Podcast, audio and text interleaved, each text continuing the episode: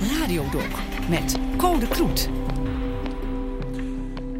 Nederlanders worden langzaamaan steeds minder religieus. Dat blijkt uit onderzoek van onder meer het Centraal Bureau voor de Statistiek. Documentairemaker Luc Hezen, zelf christelijk opgevoed, is daar een voorbeeld van. Toch sluimert er bij hem een heimwee naar sommige aspecten van dat geloof. In de serie van God los zoekt hij uit of je die aspecten ook kunt ervaren als je niet langer in een God gelooft. Dit is deel 1. De nuttige illusie. Toen ik klein was, hing er bij ons thuis in de badkamer een speciaal stopcontact, links naast de wasbak. Boven de twee gaatjes voor de stekker zat een zilverkleurig plaatje, waarop in een paar sierlijke zwarte lijnen het hoofd van een scherende man was afgebeeld. Een ondeugend kijkend stripfiguurtje dat een scheerapparaat tegen zijn kin drukt. Die man op dat plaatje, dat was God.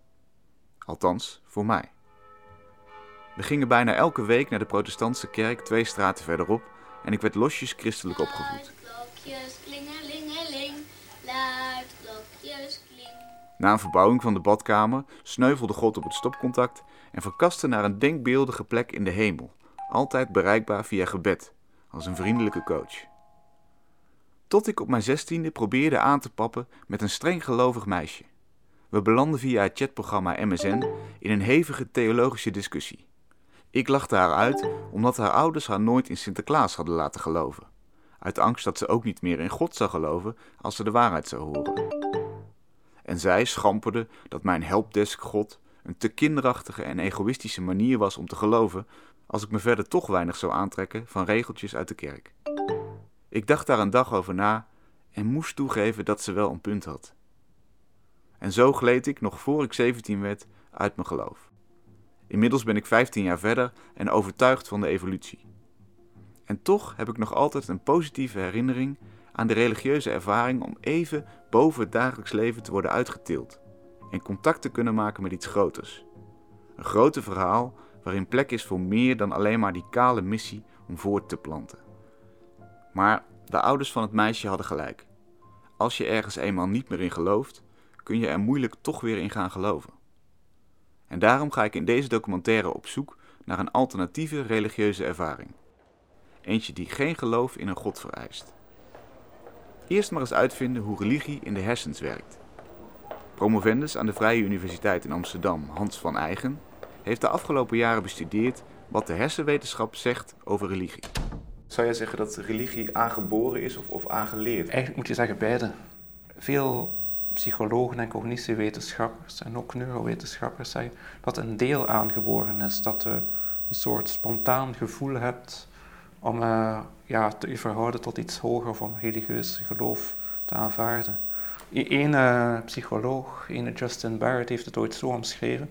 Als je een aantal kinderen voor ze iets van opvoeding gehad hebben, zou op een eiland gooien, dan zouden die waarschijnlijk een vorm van religie ontwikkelen. Dan zouden die ergens misschien uh, godenbeelden uh, hebben of zouden die rituelen beginnen doen. Maar uh, dan kom je niet bij de, ja, de grote wereldreligies die wij kennen, zoals christendom, islam. Dat gaan ze waarschijnlijk niet natuurlijk ontwikkelen. Daar is zeker instructie voor nodig en ook culturele overbrenging. Maar er is een soort bazaal, Inderdaad. basale hang naar religie. Ja. Volgens het Centraal Bureau voor de Statistiek neemt in Nederland het aantal religieuzen af. In 2015 zag nog maar de helft van de volwassen Nederlanders zich als onderdeel van een kerkelijke gezinte of levensbeschouwelijke groep. 5% minder dan de eerdere meting vijf jaar geleden. En uit het onderzoek God in Nederland, dat de KRO elke 10 jaar laat uitvoeren, blijkt dat het aantal Nederlanders dat gelooft in een hogere macht sterk is gedaald, van 60 naar 42% En de grootste groep van de ondervraagden, 41% noemt zichzelf seculier. Ik ben benieuwd hoe die groep, de atheïsten, zingeving vindt in hun leven. Ik trek daarom naar Gent voor een gesprek met Julia Peters, promovendus sociologie aan de Universiteit van Gent. Ze interviewde 15 uitgesproken atheïsten over hoe ze omgaan met zingeving en dood. Zelf hoort ze trouwens ook bij die groep. Ik weet wel dat, als ik, dat ik als kind s'nachts wakker werd en ja, ik ben atheïstisch opgevoed en ik zag de dood als een soort oneindige spiraal, het niks in. En ik, kom daar, ik vond het zo'n bizar idee dat, dat dit, deze flits het leven is dat we hebben en dat er daarna nooit meer iets gaat komen. Dat, daar moest ik ook vaak om huilen s'nachts als kind. Eh, dus toen heb ik ook geprobeerd om allemaal godsdiensten aan te gaan. Vooral door mythen en zagen uit het oosten en zo te lezen. En ik vond het wel mooie verhalen. Maar ik kon het gewoon niet. Ik dacht toch altijd van ja, ik vind het niet overtuigend. En ook de respondenten van het onderzoek luisterden vooral naar hun ratio. Om iets te geloven wilden ze graag dat daar empirisch bewijs voor was. Uit die wetenschappelijke blik vloeiden drie principes uh, die ze aan het bestaan koppelden. Namelijk het leven is stuurloos, het leven is eindig en het individu is nietig. Die principes die klinken best wel deprimerend. Uh, waar we achter kwamen is dat een manier van uh, omgaan met die principes zich bevond in de paradox. Namelijk dat het leven stuurloos is, maar dat dat heel bevrijdend is. Dat de dood het einde is, maar dat dat ook een beginpunt is voor je leven, omdat zonder de dood voel je geen druk om iets te gaan doen nu. Mhm. Um, en dat de individu nietig is, dat is een opluchting. Want dat maakt jou minder belangrijk, dat maakt anderen minder belangrijk. En dat zorgt ervoor dat de problemen die je ervaart, dat je daar ook een beetje van een afstandje naar kan kijken en denkt van ja, de kakkerlak zal langer leven dan wij. ja, jij moet dus ook lachen. En dat is dus wat die geïnterviewden ook steeds hadden. En dat, dat was veelzeggend. Uh, dat die heel heftige uitspraken juist zorgden voor humor. Laten we dan meteen naar de conclusie. Hoe, hoe vullen die niet-gelovigen uh, die betekenisgeving in? Goed en kwaad is allemaal totaal subjectief, volgens de mensen die we interviewden. En dat verschilt van cultuur tot cultuur. En je kan dus je eigen betekenisgeving creëren. Dus ook als dingen even zwaar binnenkomen, dan kan je, kan je meteen denken van... Ja, maar ja, het gaat allemaal nergens over. maar dat is toch wel... Dat lijkt me best een moeilijke houding. Want dan, dan, dan heeft het toch eigenlijk ook niks waarde. Tenzij, tenzij jij vindt dat het waarde heeft. Ja, ja in, in essentie hebben dingen dan geen waarde. Maar tegelijkertijd wordt die waarde wel ervaren. Bijvoorbeeld één vraag ging over echt liefde gaan voelen voor iemand. En uh, ga je dat dan ook uh, relativeren? Omdat het maar een biochemische reactie in je hersenen. En, ja, je uh, kunt alles plat redeneren natuurlijk. Ja, en dan zeiden ze van ja, ik wil gewoon niet zo naar de liefde kijken. Ik bedoel, dat is wel zo, maar ik voel dat zo sterk dat het helemaal niet afdoet daaraan. Een nogal flexibele levenshouding dus, waarin je je met humor en ironie wapent tegen de willekeur van het leven om er vervolgens zelf zin aan te verlenen.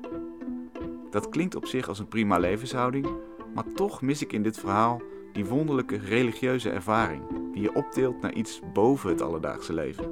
Dat lijkt me bijzonder lastig om voor jezelf te organiseren. Terug naar Hans op de Vrije Universiteit, die de hersenwetenschap bij religie betrekt. Als we kijken naar wat er in de hersens gebeurt als iets religieus wordt ervaren, hè, wat kun je daarover zeggen? Uh, daar zijn uh, onderzoeken naar. Um, dus ja, er is geen godspot als het ware van uh, als iets religieus wordt ervaren, gaat een bepaald deel oplichten. Het zijn vaak delen die te maken hebben met sociale interactie met mensen. Want je praat met iets of iemand, zo wordt het ook subjectief ervaren. Activiteit die ook gepaard gaat met intense gevoelens van ja, verliefdheid, liefde. Is het niet heel wonderlijk dat je die gevoelens van liefde kunt hebben, zeg maar, voor, voor iets wat zo abstract of zo ver weg is? Ja, maar voor veel religieuze geloven, als ik met hen praat, is het totaal niet abstract en totaal niet ver weg. Is het iets heel reëels. Je hebt één antropoloog, zij heeft onderzoek gedaan in een evangelische kerk in de VS. En die beschrijft hoe zij bepaalde praktijken hebben, dat zij worden aangemoedigd om te doen alsof zij op een date gaan met God. Zoals jij en ik hier tegenover elkaar zitten, dat je doet alsof God daar effectief zit. En je samen een kopje koffie gaat nemen of iets gaat eten. Ja. Dus dan is God voorgesteld als heel nabij en heel betrokken bij jezelf. En hoe zit het dan met als je religieus bent opgevoed en je hebt het concept God aangemaakt gekregen? Mhm. Uh, wat, zoals je net zei, soms heel, uh, heel letterlijk kan zijn en heel uh, dichtbij. Mhm. En, en je verliest dat geloof. Is, zit er dan, als, als het ware, om het simpel te zeggen, een leeg vakje in je hersens? Er zijn ongelovigen die geloof verloren hebben die het wel zo omschrijven. Er zijn er die spreken van het gemis. Uh, Nietzsche is daar bekend voor. Een groot gemis van alsof iemand hem verlaten heeft. Dat is zeker niet het geval voor alle atheïsten of ongelovigen. Maar een significant aantal wel. Dus het kan ook in die zin best een, stel dat het een illusie is, hè, kan het een, een, een zinvolle, nuttige illusie zijn? Uh, zeker, ja. dus, ja. Het, het, het, werkt natuurlijk niet meer als je weet dat het een illusie is, want dan kan je niet meer toe brengen om het te gaan geloven. Nou, dat is de hele reden dat ik deze documentaire maak. Uh, nuttige illusie zoeken? nee, ja, ik zoek een andere nuttige illusie. Ah, wel, ja. Heb je nog tips?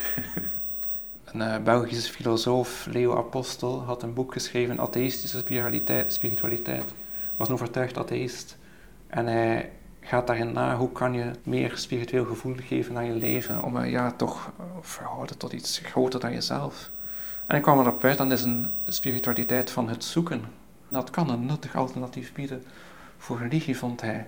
Zou je ook kunnen onderzoeken hoe je bij niet-gelovigen dezelfde intense religieuze ervaring zou kunnen opwekken? Eén Canadese wetenschapper die meende dat hij dat kon. Hij had daar een helm voor ontwikkeld die mensen opzetten.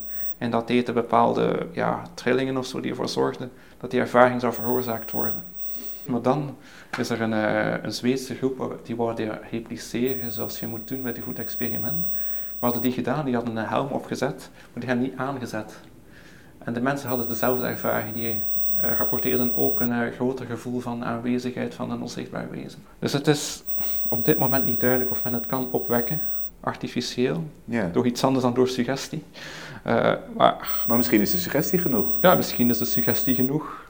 Doe alsof je een date hebt met God, dat is suggestie. Hè? Dat is suggestie die het dan gaat overnemen. Dus eigenlijk je eigen rituelen maken, mits je daarin gelooft, zou heel effectief kunnen zijn. Ja, maar ook dit sluit niet uit dat het waar kan zijn. En misschien is het gewoon een techniek om God op het spoor te komen door te gaan doen alsof je een date hebt met God. Maar het is ja, suggestie is heel krachtig. Volgende week zoek ik verder, in muziek en in kunst, naar een religieuze ervaring zonder God.